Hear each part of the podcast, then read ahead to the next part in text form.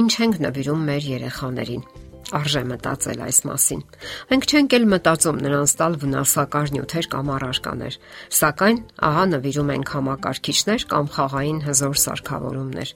Մեծահասակներն այսպես են մտածում. ավելի լավ է տանը նստի, զբաղվի տեխնիկայով, քան թափառի դրսում։ Սակայն անցնում է մի քանի ամիս, եւ նրանց սիրասուն զավակն այնքան է զբաղվում տեխնիկայով, որ համարյա դառնում է անճանաչելի։ Ուսումը համարյա բարձի թողի վիճակում է աչքերի տակ մանուշակագույն շրջանակներ։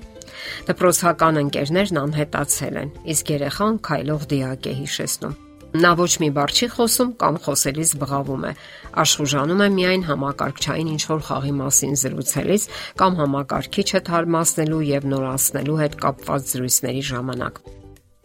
Որքան էինք մենք երազում ունենալ տեխնիկայի հրաշքներ, հեռուստացույց, տեսողական հնարավորություններ ունեցող տեխնիկա, ապա համակարգիչ։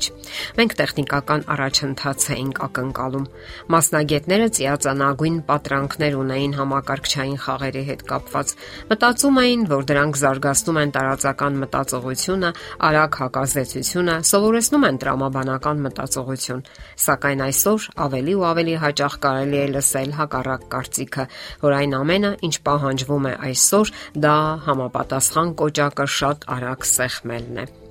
Ժամանակակից հետազոտությունները բացահայտում են, որ համակարգչային խաղերը հզոր ընտելացում, կախվածություն են առաջացնում, որը կարելի է համեմատել հերոինային թմրամոլության հետ, եւ որ խաղամոլությանը առաջին հերթին ենթակա են երեխաները։ Ասենք որ այս երկաթյա ընկերն իր կապանքներում է պահում երեխաներին եւ նրանք գերադասում են մնալ տանը խաղալ, այլ ոչ թե իջնել բակ խաղալու։ Իսկ եթե ինչ որտեղ են գնում, ապա դժկամությամբ, երբ փորձում ես նրանց փոկել խաղերից, պատասխանում են վերացած, հաճախել բարկացած։ Ասենք որ այս կախվածությանը ենթակա են առավելապես հասակակիցների կողմից ճանաչման չարժանացած երեխաները, ովքեր ցածր ինքնագնահատական ունեն։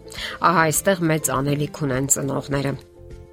Դրա համար պետք է տոն տալ երեխային, չընդհատել, երբ նա ցանկանում է կիսվել, պատմել իր ապրումների դպրոցական հաջողությունների մասին։ Պետք չէ արտաբերել հերթապահ արտահայտություններ։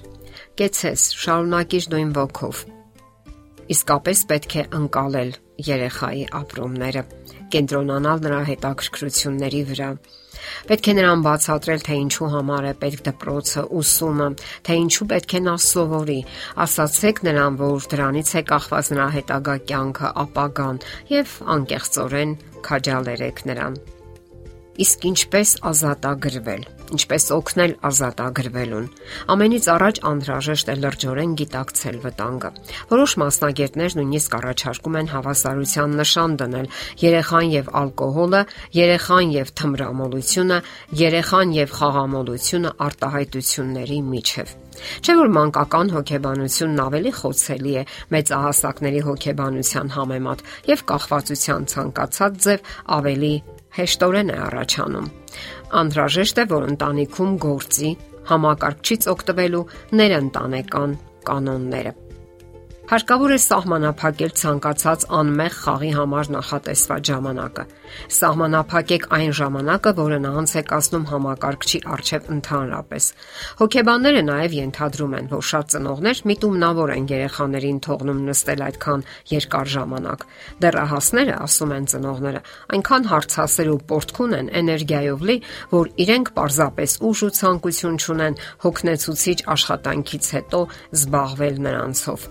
Մանկական կախվածության կանխարգելումը հսկայական նշանակություն ունի երեխայի հետագա ճակատագրի համար։ Ծնողական ճշմարիտ խնամակալությունը ենթադրում է երեխա ծնող հրաշալի փոխհարաբերություններ։ Դրանով մենք օգնում ենք երեխաներին իրենց կյանքի արշալույսին հաղթահարելու այն դժվարությունները, որոնք ծառանում են մանկական անպաշտպան հոգեբանության առաջ։ Այսօր մասնագետներն արդեն նշում են, որ աղետալիորեն ավելացել է այն ծնողների թիվը,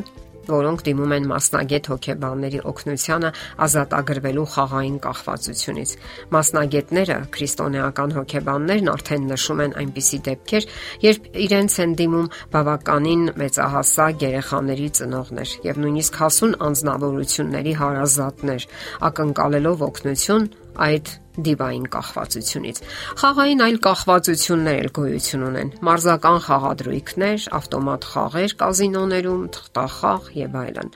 Եղել են դեպքեր, երբ գումարային ներդրումներ են կատարել եւ պարտվել հսկայական գումարներ, ոմանք էլ տուն են կորցրել։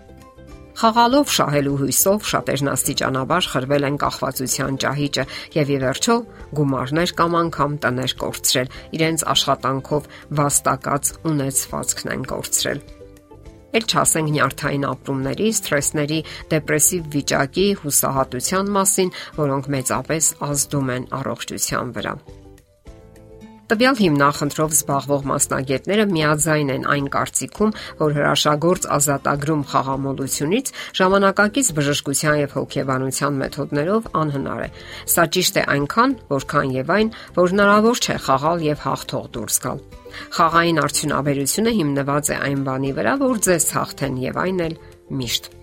Երբեմնակի հաջողությունները միայն ավելի են հաստատում մարդուն իր մոլության մեջ եւ մղում նրան հուսահատ պայքարի եւ արկածախնդրության խաղային արդյունաբերության հսկաների դեմ։ Կապույտ էկրանը հմայում է եւ աննկատ անցնում են ժամերն ու օրերը ձեր կյանքի լավագույն ժամերը կորցնում եք ձեր թանկագին ժամանակը առողջությունն ու դրամները իսկ կյանքը կարծես անցնում է ձեր կողքով Դե ինչ եղեք զգոն կախվածության առաջին իսկ նշանների դեպքում կազմակերպեք ձեր կյանքը եւ բացառեք այն, ինչից հետո չեք կարողանալու ազատ ագրվել։ Եթերում առողջ ապրելակերպ հաղորդաշարներ։ Հարցերի եւ առաջարկությունների համար զանգահարել 033 87 87 87 հեռախոսահամարով։